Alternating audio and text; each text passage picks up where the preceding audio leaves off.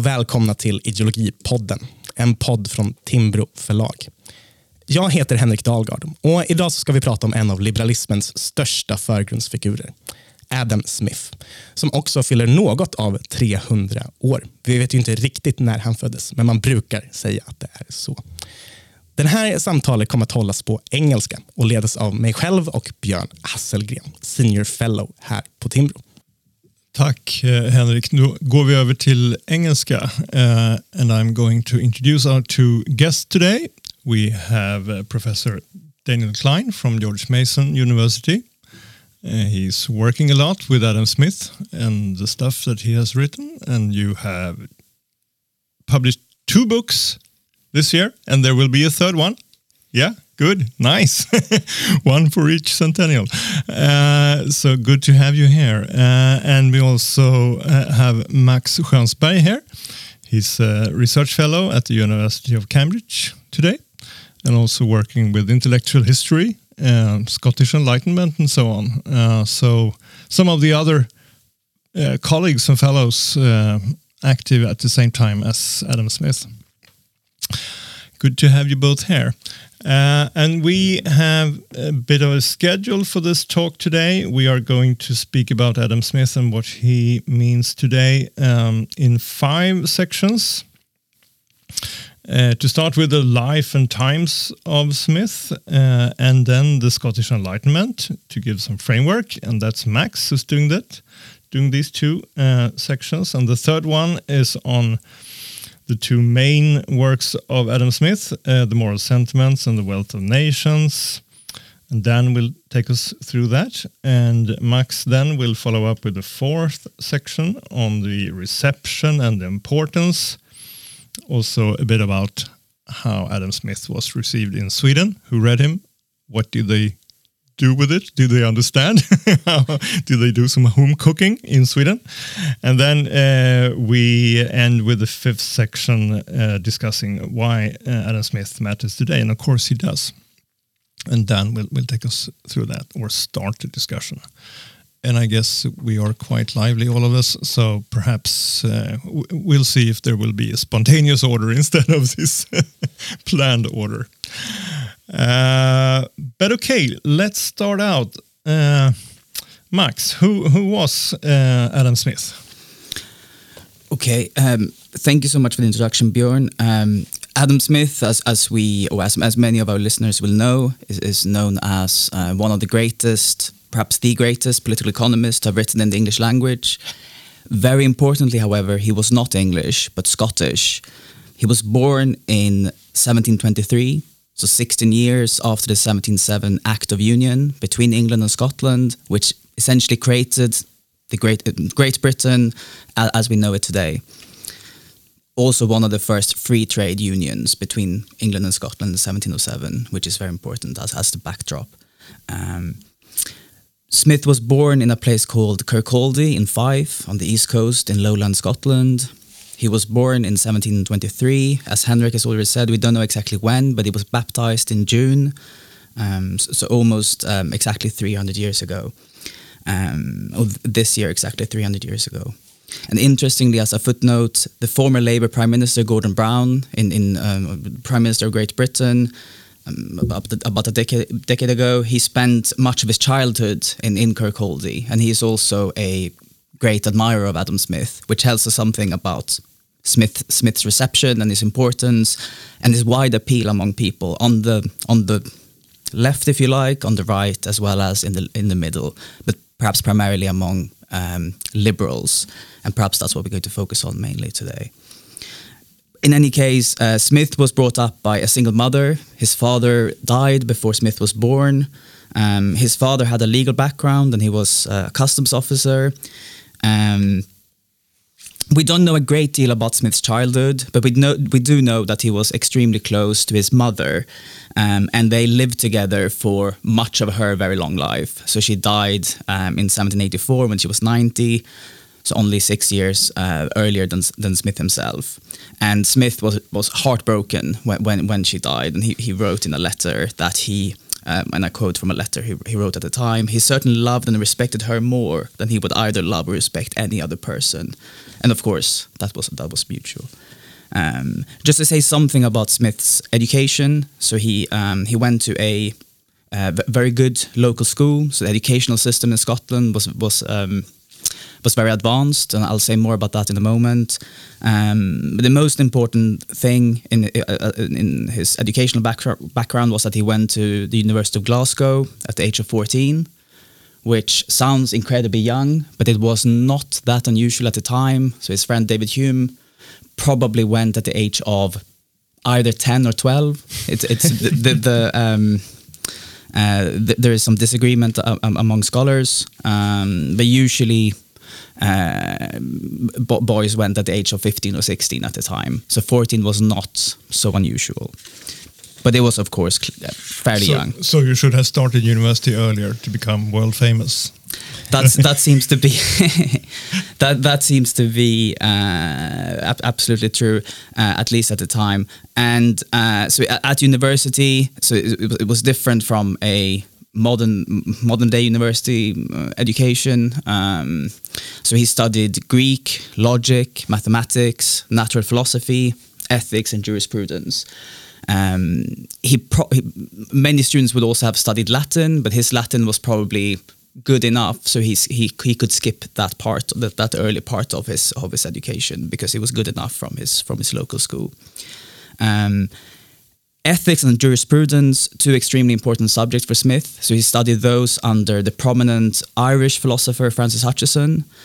Hutcheson is a very important figure for the Scottish Enlightenment and for Smith. Uh, he was also one of the first um, lecturers in Scotland to lecture in English rather than in Latin. Um, which is very important in terms of how the educational system was being modernized uh, at the time of, um, of Smith's life. Smith later went to Oxford University in England to study on a scholarship. He did not like it at all in Oxford. Um, he was not in, in, impressed. He was probably also battling with depression uh, at, at, at, the time. Um, he, he, later wrote um, in, in The Wealth of Nations that um, the professors at Oxford had, and I now quote, given up altogether even the pretense of teaching um, at, at, Oxford. Um, and he was he was he was used to working hard, and he also writes uh, in, in, a letter uh, during his Oxford uh, years that all, all, we need to do is pray a couple of times a day and go to lectures twice a week, and that's all that's expected of us. He was not impressed at all. So he returned to Scotland in, in 1746 in his early 20s. He started giving public lectures on literature and on law in, in Edinburgh. In 1751, he was given a professorship at Glasgow, first to teach logic, and uh, a few years later, um, he, he was he was given the chair in moral philosophy, the same chair as his teacher Hutcheson had um, has held, and and that was his position until he resigned his professorship in 1764. So Smith only published two books in his in his uh, own lifetime. The first uh, the first one was a work of um, a work in moral philosophy, which he published when he was professor at Glasgow. The Theory of Moral Sentiments, published in 1759. Um, though he was very happy at the, the, University of Glasgow, he left in 1764 to become a traveling tutor to aristocratic children. He traveled Europe, and he also became at this time something of an independent scholar, a man of letters, and it was in this capacity that he published his most famous work, The Wealth of Nations, in 1776. Professor Klein will say much more about these works later on, but we should add that he spent the last year of his life, so from the late 70s until um, he died in, in, in 1790 at the age of 67, um, he spent these final years uh, as Commissioner of Customs in Scotland. So he was a government um, uh, employee of, of, of, sorts. And it was a similar position to the one his father had held at the local level in Kirkcaldy. When he died in, in 67, uh, at, at, the age of 67, which was not very unusual at the time, it was not particularly young. Um, he left behind, um, he had a lot of materials and papers in relation to various projects that he had hoped that he would be able to, um, he would be able to see through. Um, but he, um, unfortunately for us historians and, and Smith um, scholars, he gave instructions to burn the great majority of his papers before, before he died. Um, but what he did do in his final in, in, the final year of his of his life in 1790 was to publish a new, heavily revised version of the Theory of Moral Sentiments. Um, yeah, so that's that's a little bit background about Smith's life. So, so, how can we understand why he leaves academia to be this, as you said, traveling tutor? Um, is is that a common way that you had your career, or is it that he was fed up, or what, what happened? Did anything happen? So he he was offered um, quite quite a lot of money, and also um, so so I think this, he he was offered. Um, to 300 pounds a year, which was considerably, I mean, that, that, a lot of money at the time. And then he was also offered a pension for life. So, so off, after um, uh, when his duties had been uh, completed, he would also get, get a um, handsome pension for the rest of his life. So that would enable him to to, to do more work independently. Because when he was a professor at Glasgow, he worked extremely hard. He put a lot of, and this is very typical of Smith. He put a, he put his heart and soul into everything he did. So he took his job as a lecturer very seriously, um, and um, because this is also unfortunate about Smith, because he burned so many of his papers, we have very few letters, so we don't have so many clues um, his intentions. So we, we have to do a little bit of speculation and, and, and guesswork. But I think it was the financial security and the independence that would enable him to, to be able to spend more time writing. And that's also what, of course, he did. He, spent, he was able to spend a lot of time and put a lot of work into the Wealth of Nations just to move back to Smith's earlier life, um, can we say anything about the intellectual influence that people have on him? Are there certain kinds of ideas that influence him and that you can see later on in, in his writing? Absolutely. So I think the two biggest figures um, at an early uh, early at, uh, at, an early stage uh, would have been um, Francis Hutcheson, whom I've already mentioned, so his his teacher at um, uh, at, at Glasgow, and then David Hume uh, who, who, later became a very close friend of Smith's. Um, and he probably read Hume's uh, philosophy as a student at, at Glasgow. Um, so, probably to uh, in order to say a little bit more about his intellectual the, the, the, intellectual backdrop. Maybe we can say a little bit more about the Scottish um, the Scottish backdrop and the yeah, Scottish sure. Enlightenment.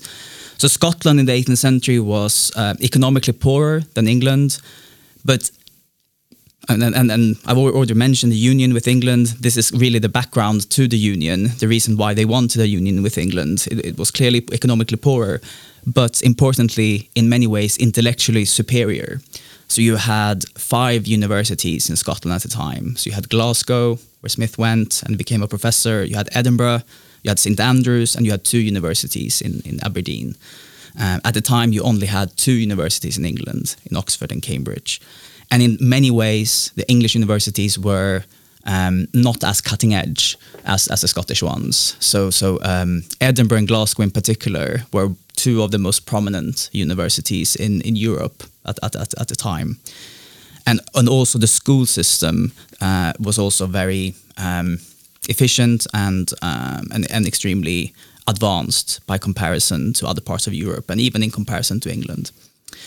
Um, so the 18th century was a golden age for Scotland, intellectually and culturally, largely thanks to its advanced educational system. Um, we already mentioned Hutcheson and, uh, and, and Hume, but there were many Scotsmen who made huge contributions in in a range of subjects: so empiricism, literature, history, science, medicine, moral philosophy, political philosophy, and of course political economy.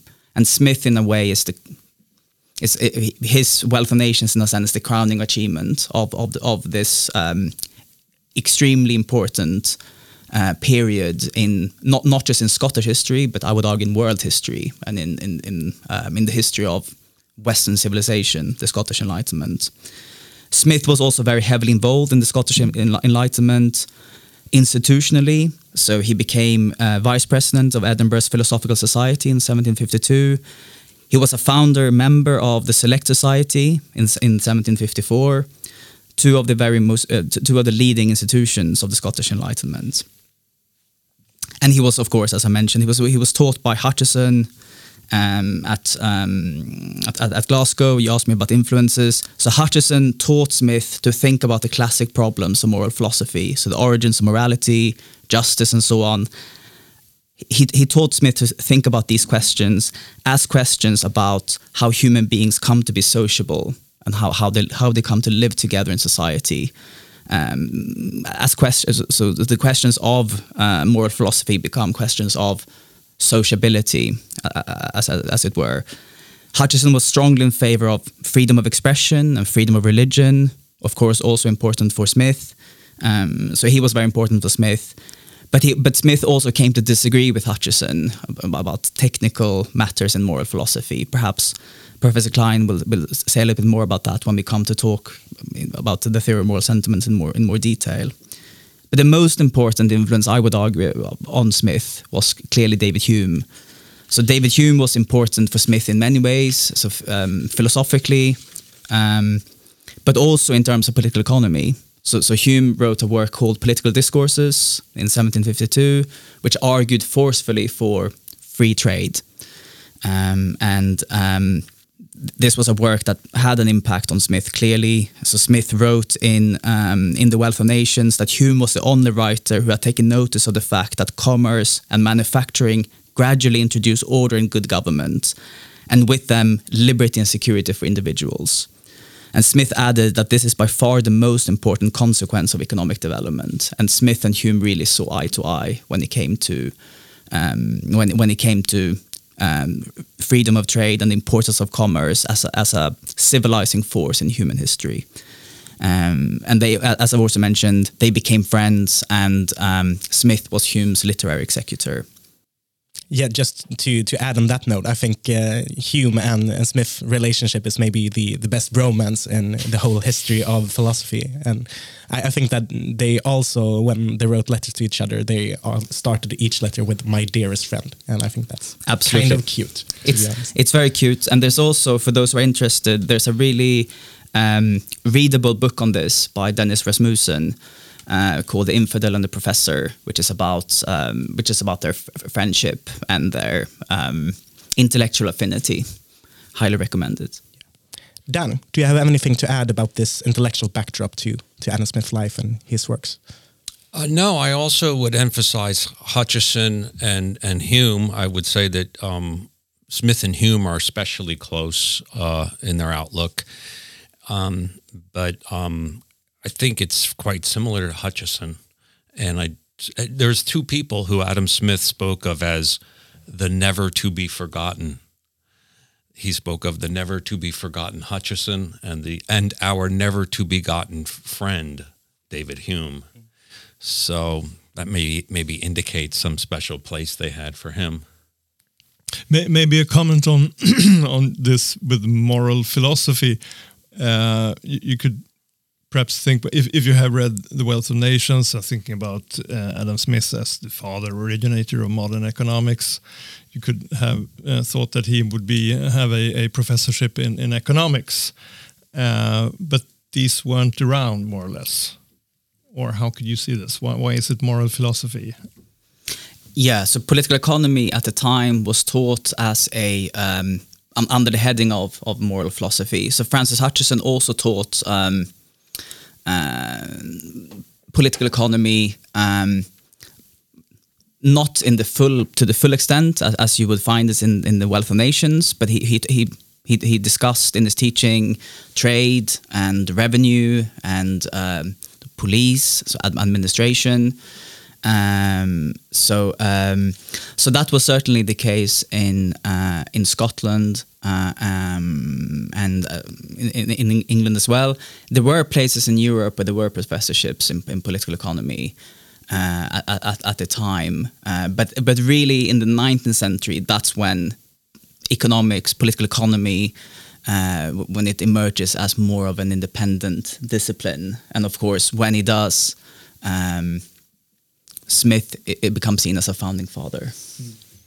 I'd say that yes, and I say that the political economy stems especially from the jurisprudence, where um, the jurisprudence is actually mixed in with the moral philosophy about what's right, and then jurisprudence rules are some of the rules in society uh, that um, guide us about what's right and that we that have a certain authority and therefore instill a sense of right behind them. So then Sir jurisprudence asks about um, you know what's a contract what's keeping a contract? And so this gets into moral questions and economic questions. And then it of course gets into the question of the making of these policies of law and what is good and bad morally ethically from god's point of view if you will or the impartial spectator's point of view.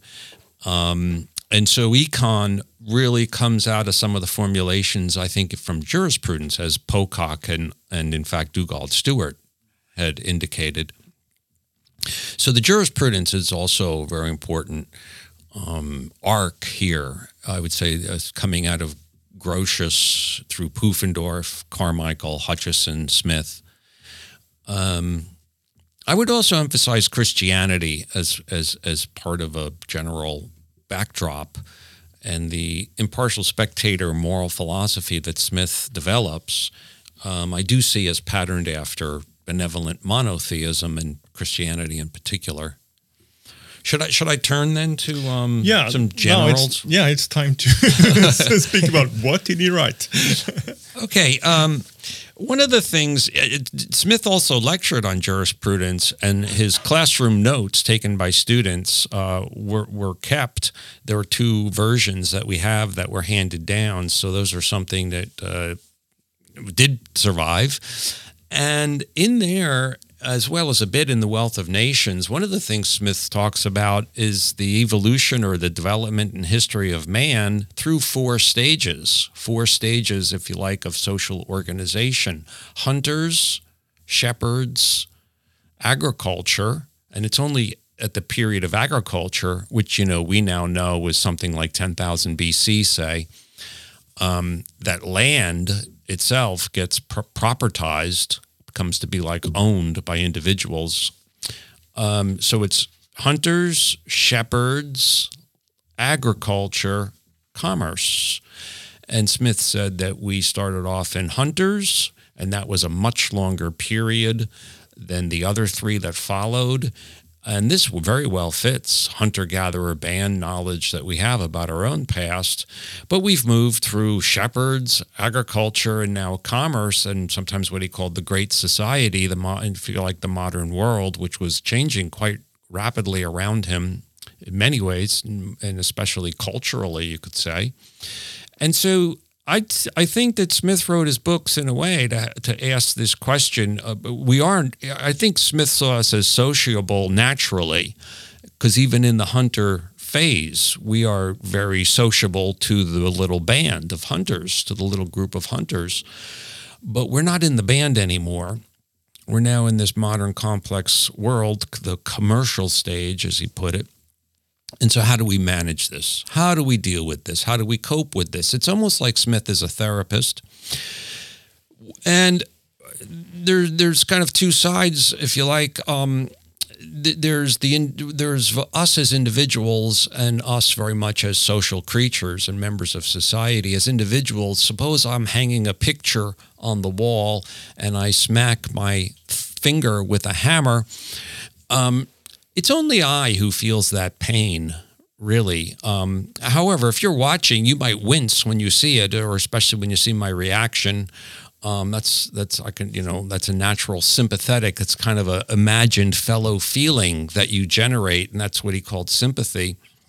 Um, so you don't feel the pain, but you might share some of the sentiment we are constituted, humankind, humankind is constituted as individual organisms with the special knowledge of things that happen to our person and special control over our person, our person being not only our body, uh, but our mind. And so we are constituted as individuals, but we are extremely dependent on each other. Um, where that's something he emphasized about human beings relative to other animals. And um, how do we manage this in a way as society moves into these advanced, complex, hierarchical, governed stages of human existence? And this is the jurisprudence uh, taught helped to teach from Grotius and others that certain types of rules can be quite precise and accurate. Rules of property, of ownership, of not messing with other people's stuff. Um, stuff would be their own person, their property, also their promises due. And that's a very special type of ownership and stuff that he called commutative justice. Those are precise and accurate, rather like grammar. He made the analogy to writing. It's like grammar, basic grammar. Don't violate grammar. Now, you know, you can turn in a blank piece of paper and your grammar is perfect. So getting your grammar right doesn't necessarily win you any praise. It doesn't necessarily address the real question of how we get on in life and find it meaningful. And for that, we are highly dependent on each other again, not only because we don't know how to make a pin or to make our lunch from scratch, but also because meaning in life is very, very social. It's based on this sympathy. Um, and again, I think Smith says we've always been social creatures. It's not like we became social. It's a it, we have to manage our sociability and figure out who to sympathize with, what to sympathize with. If we sympathize with very conflicting things, we're going to go to war with each other.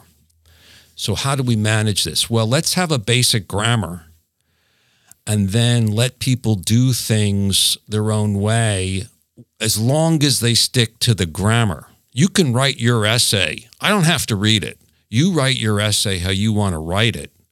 You pursue, you know, life, liberty, that's the basic grammar, and the pursuit of happiness. That's the genius of the other document of 1776. So, um, this whole pursuit of of higher things is is kind of something he talks about in terms of um, making sense of the world and sympathy and the theory of moral sentiments. He said we think about how spectators would think about us, particularly impartial ones, and that impartiality kind of rises, and the highest impartial spectator is God or a godlike being. We develop a conscience as a representative of this universal godlike being. So there's universality in the idea of the highest spectator, but there's individuality in our conscience or man within the breast that each of us have. So we're both individual, and using this individuality, we can become independent of any particular social influence. So there's that level of independence from social opinion. But what we draw on are other social influences. It's just that we each do it in our own way. So we're creative and we can be independent and different, but we can't actually be altogether independent from all social influences because that's that you know we're messed we're immersed I'm sorry enmeshed immersed in that so then in in the, the wealth of nations to speed this up um, he talks about how letting people pursue their local, focal, at home interests as long as they stick to basic the basic grammar of liberty and justice works out quite well actually in terms of market activity the pursuit of, of honest income. So he morally authorizes you to go forward with vigor in the market. And that brings the great enrichment it also he's also like smile he's saying god smiles on getting rich honestly. And then it also includes innovation.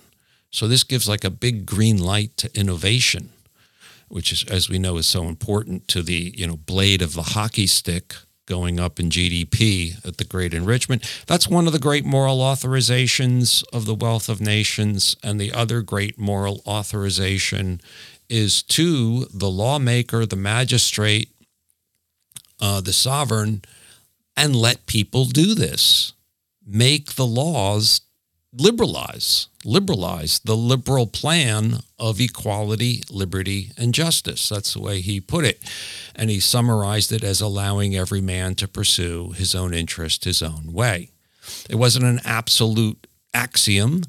There were exceptions to be made, and he knew that government, by, by its very nature, messed with people's stuff. It institutionalizes messing with people's stuff. and it's just kind of like there, and you got to deal with it, and you got to try to make it, you know, better rather than worse government.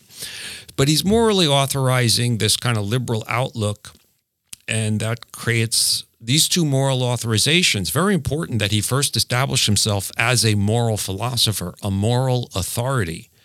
You know, you can't morally authorize something if you do not have moral authority. And he did, just as Max was explaining. So that's one reason why economics became such a thing. It was morally authorized to like talk this way and think this way by a great But why, why? Why is it that he that he chooses to to analyze and write about economics after being this moral? That's the main way that actually, uh, you know, so much of um, society, um, um, goods and services get produced and developed, and life gets organized by market activity, which depends so much then on profit and loss, price signals, and all of that. So you need to understand those as a set of feedback mechanisms and correction mechanisms. And only once you see that those actually work, in, you know, in a free market, quite healthy in a quite healthy way, that you can morally authorize people to focus on honest income. Um, and I mean, that's the fourth stage of society. We're in commerce. How do we do this? And so he's explaining that we can do this. We can do this. Let's stick to the grammar. Let's let people allow people to pursue their own interest their own way. And uh, this will actually grow the pie for everybody.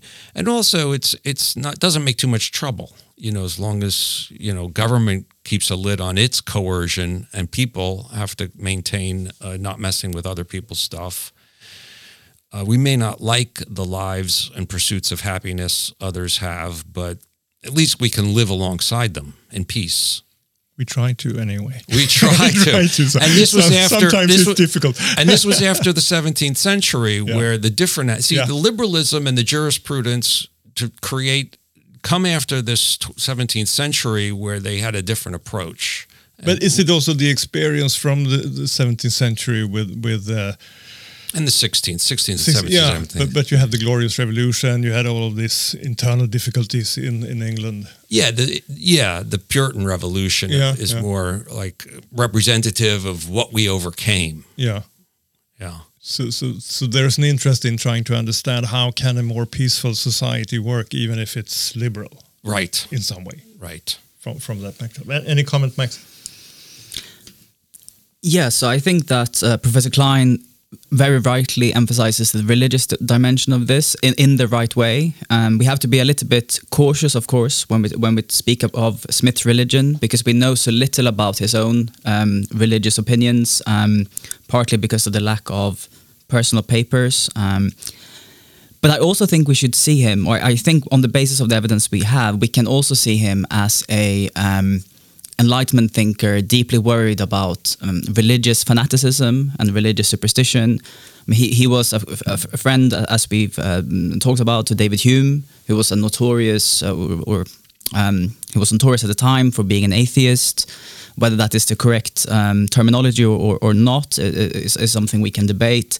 Um, but when when Hume died, um, as an interesting anecdote, when Hume died, Smith published um, uh, a paper, a pamphlet, when he defended um, Hume's um, uh, persona and uh, and Hume's character, and he portrayed him as the most uh, virtuous man possible.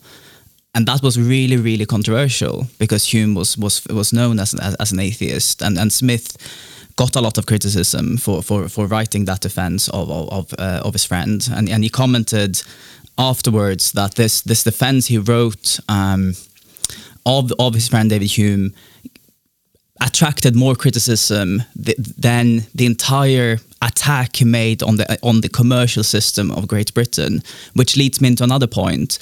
Um, I think that's how we should think contextually of the wealth of nations as an attack on the commercial system of Great The Britain. mercantilist Indeed. system. So it's not a defense of the status quo No. because Britain, the British system at the time, was not a liberal system.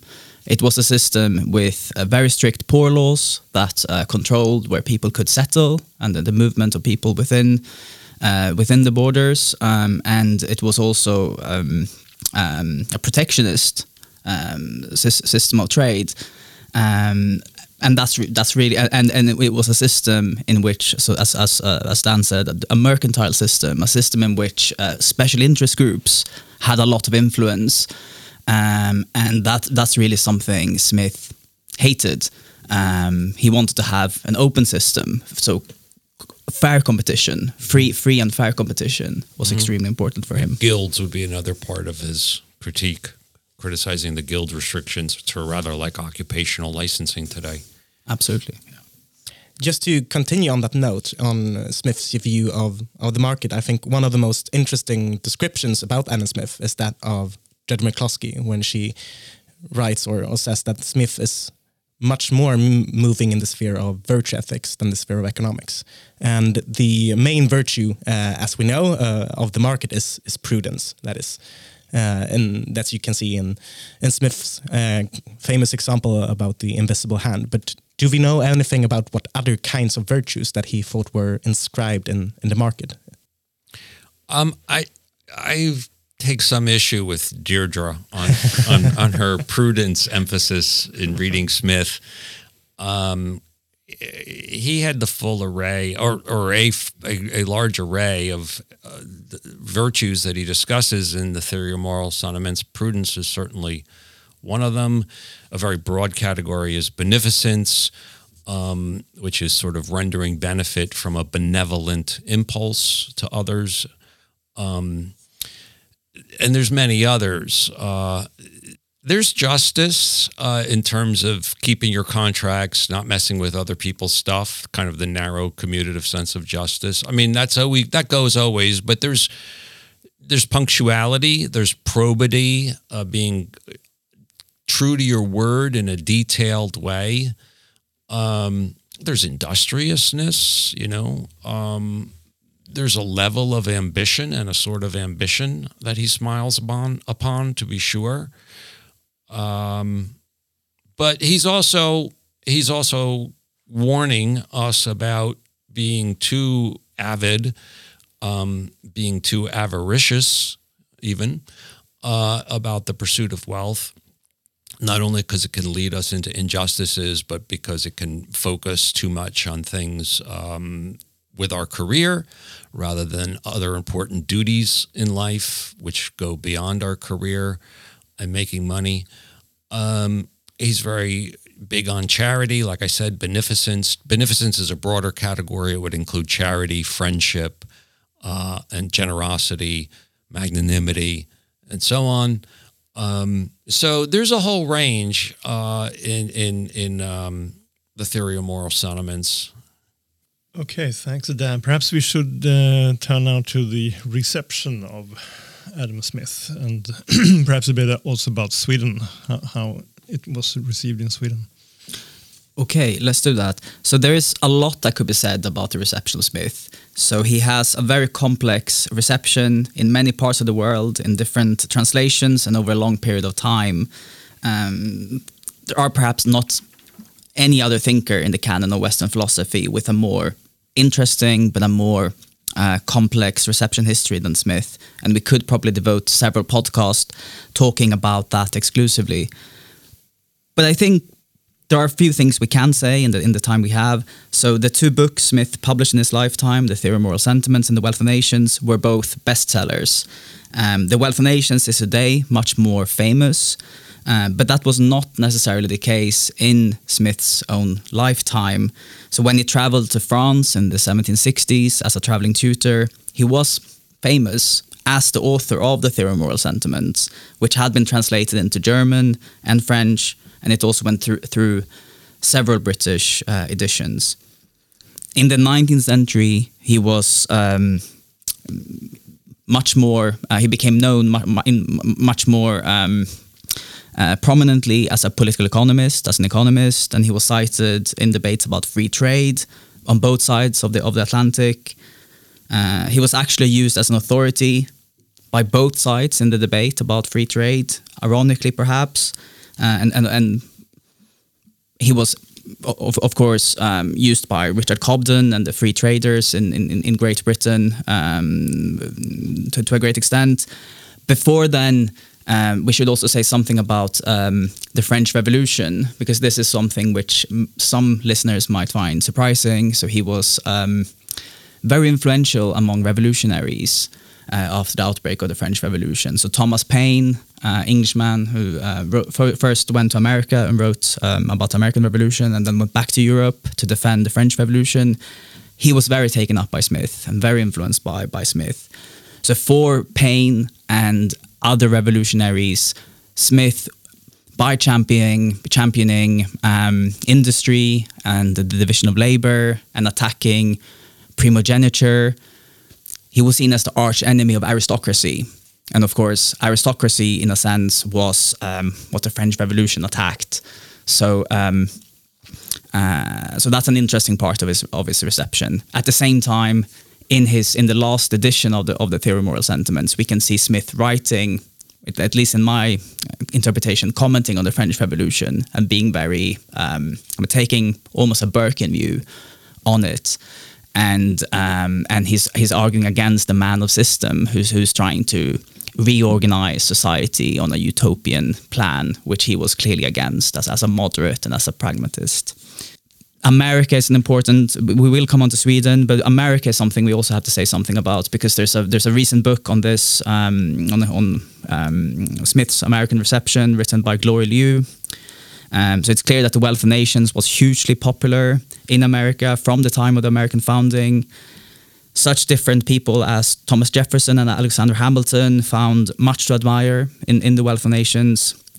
In the 20th century, Smith as we as many of us will know, he, he became um, as many of our listeners will know, he became a hero of the Chicago School of Economics. So um, uh, winners of the Nobel Prize, um, such as Friedrich Hayek and Milton Friedman, George Stigler, all of these people saw um, Smith as their guru.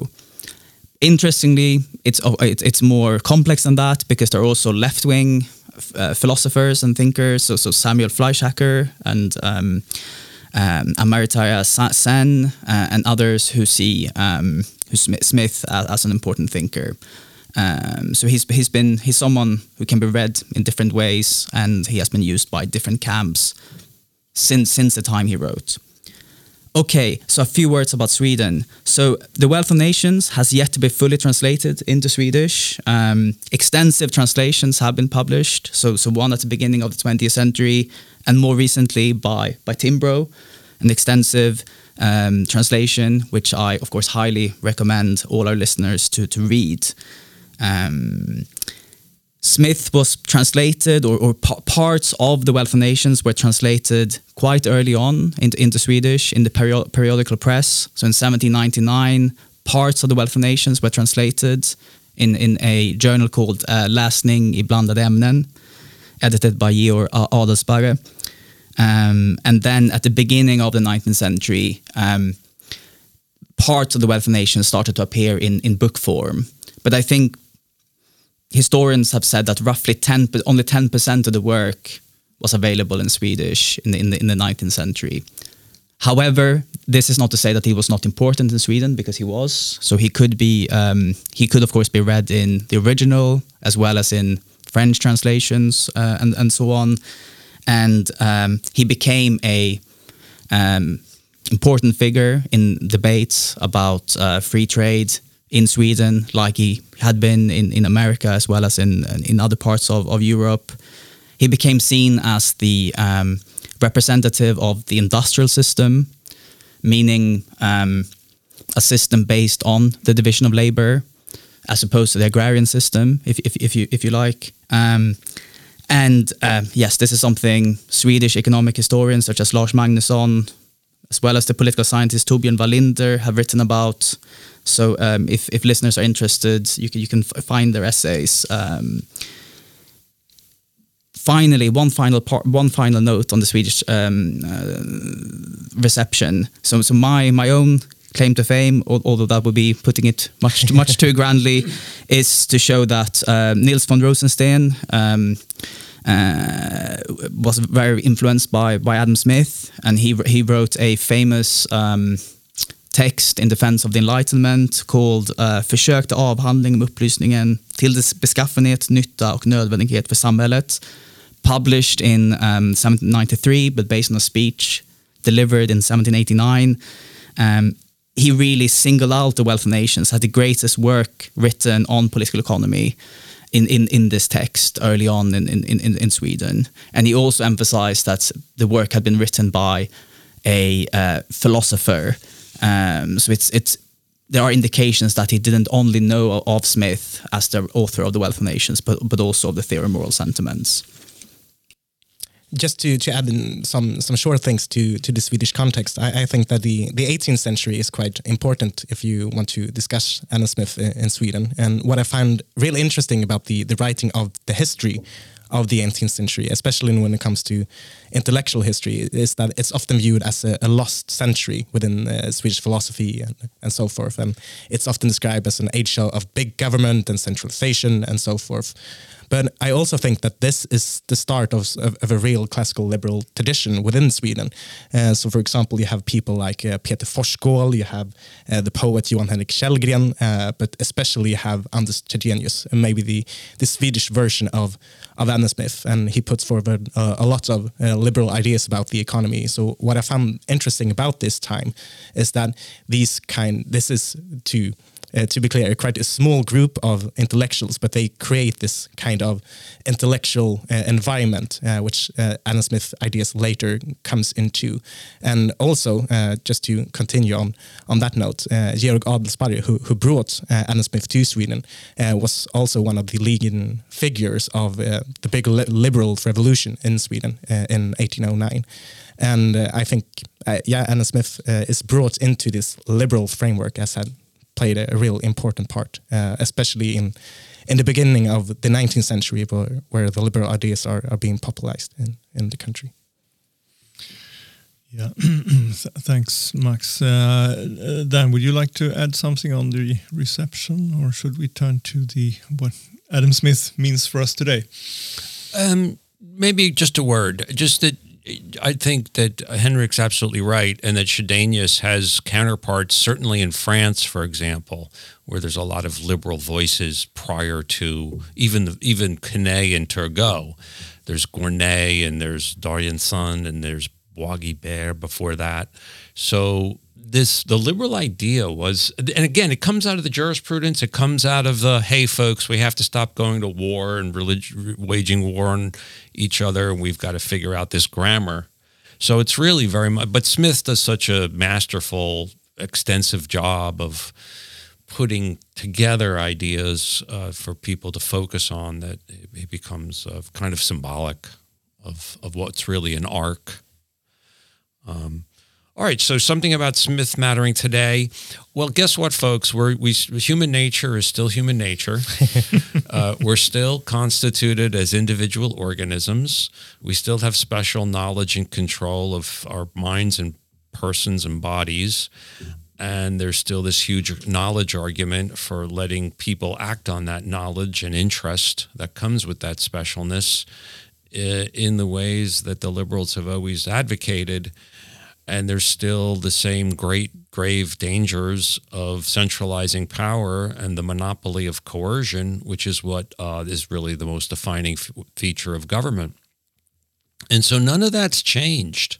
You know, the, the dangers of governmentalizing social affairs, which I think Smith was writing against, um, are as great as ever and perhaps more on display than ever. At least, uh, well, maybe not than ever. The 20th century is hard to hold a candle to in that respect, but uh, been been on great display lately in the last several years, I'd say. So the basic liberal idea of um, not of of not having uh, leaving social affairs not very governmentalized which is to say, not very regulated, and try not to have big government players lumbering around like the elephant in the room or or Godzilla in Tokyo, um, is is still true and good and right. It may not be fashionable as it should be, but in my view, um, it's still true and good and right. So I feel he's as relevant as ever. But this basis in in in uh, moral philosophy, the moral sentiments, I knew you you have spent a lot of time thinking about this, writing about it, lecturing about it. Um, is it well enough known today, or is it that we just think about the invisible hand? And No, you're absolutely right. It's very important to see all of the policy sciences, if you like, as nested within moral philosophy. The large question about the good of the whole. That's what does and should guide our, you know, investigations and our research and so on. Uh, the most important things for the good of the whole of mankind, of humankind so that's what moral philosophy takes up um, and economics is just something within that you know moral philosophy is just um, about the philosophy of human choice and action the ethics of it and that's all what what uh, these sciences uh, you know human sciences are about Yeah, and I think that that's really crucial when you think about the liberal message, the classical liberal message that we are interested in uh, here at, at Timbro as well. To remember this, that uh, uh, economics is important and how an economic society works, but it, it's it's based on a, a- a moral basis, the mor- moral sentiment basis, uh, where, where Smith is is so important, I think, uh, for for Western societies at all. Um, you hear that I like Smith. it's good. Uh, some final words, Max. so I, I agree very much about what Dan has said. Um, I think as an historian, which which is um, my uh, professional identity, I'm hesitant to comment on what um, philosophers and economists should do. But I think one thing or a couple of things we can we can learn from Smith, broadly speaking, is um, to learn from his historical sensitivity and the attention he pays to to literature uh, as as well. So he's a he's an extremely literary thinker and, and, and, and philosopher. So one text we haven't mentioned is his lectures on belles lettres and rhetoric. So belle, belles lettres is, is an 18th century term for for literature. Um, so he, he lectured on, on that as well, and he was planning as one of his unfinished project was a history, a philosophical history of, of literature. Um, and uh, and when you read him, one of the reasons why he's he is so readable is because he brings in examples from from history uh, as well as from from from literature um, and from the from the great uh, writers. Um, in terms of his historical sensitivity, so I think Book Three or the Wealth of Nations is uh, for, for those who perhaps are not uh, so so into technical uh, matters of, of political economy. Book One and Book Two can be heavy going, but if you start with Book Three, it all makes more sense. So Book Three is really where he puts forward his um, his philosophical history of of European Western civilization and um, and that's really as, as as Dan has already explained that's how we should understand modern commercial society as a, as a stage in in historical development I would just add to that that he actually puts history into his moral theory as well. Uh, when he talks in the theory of moral sentiments, when he talks about four sources of moral approval, one of them is about a, kind of observation of established rule and expectations as a kind of a touch point, a touchstone for for the spectator to sympathize and judge the behavior that he's uh, that he's looking at. So he's actually building history into his theory of goodness. So there's a historical dimension inside the good. Uh, it's not determinative. It's not like everything gets reduced to history, right? But it's one of the four kind of touchstones that he has. And just to add one final thing, which I think I forgot to say. So even though he didn't finish his book on his philosophical history of literature, as with his lectures of jurisprudence, we have um, surviving student notes. So we can read his lectures on on belles lettres and uh, and rhetoric, just in case I forgot to, to, to mention that. So the, the book was unfinished in his lifetime, but we can get some clues from from the student notes that have survived. Okay. Uh, thanks for coming and discussing Adam Smith at 300, uh, Max and Dan. And as you hear, listeners, we are engaged and inspired. we could go on. Uh, but I think uh, this is uh, good for today. So thanks, both of you. And thank you, Henrik. Thanks, Henrik. Då får jag säga stort tack för att ni har lyssnat på Ideologipodden här från oss på Timbro förlag. Om ni gillar det vi gör här får ni gärna gå in och betygsätta oss på iTunes. Det hjälper oss mycket i det vi gör här. Men än så länge, tack så ses vi snart här igen.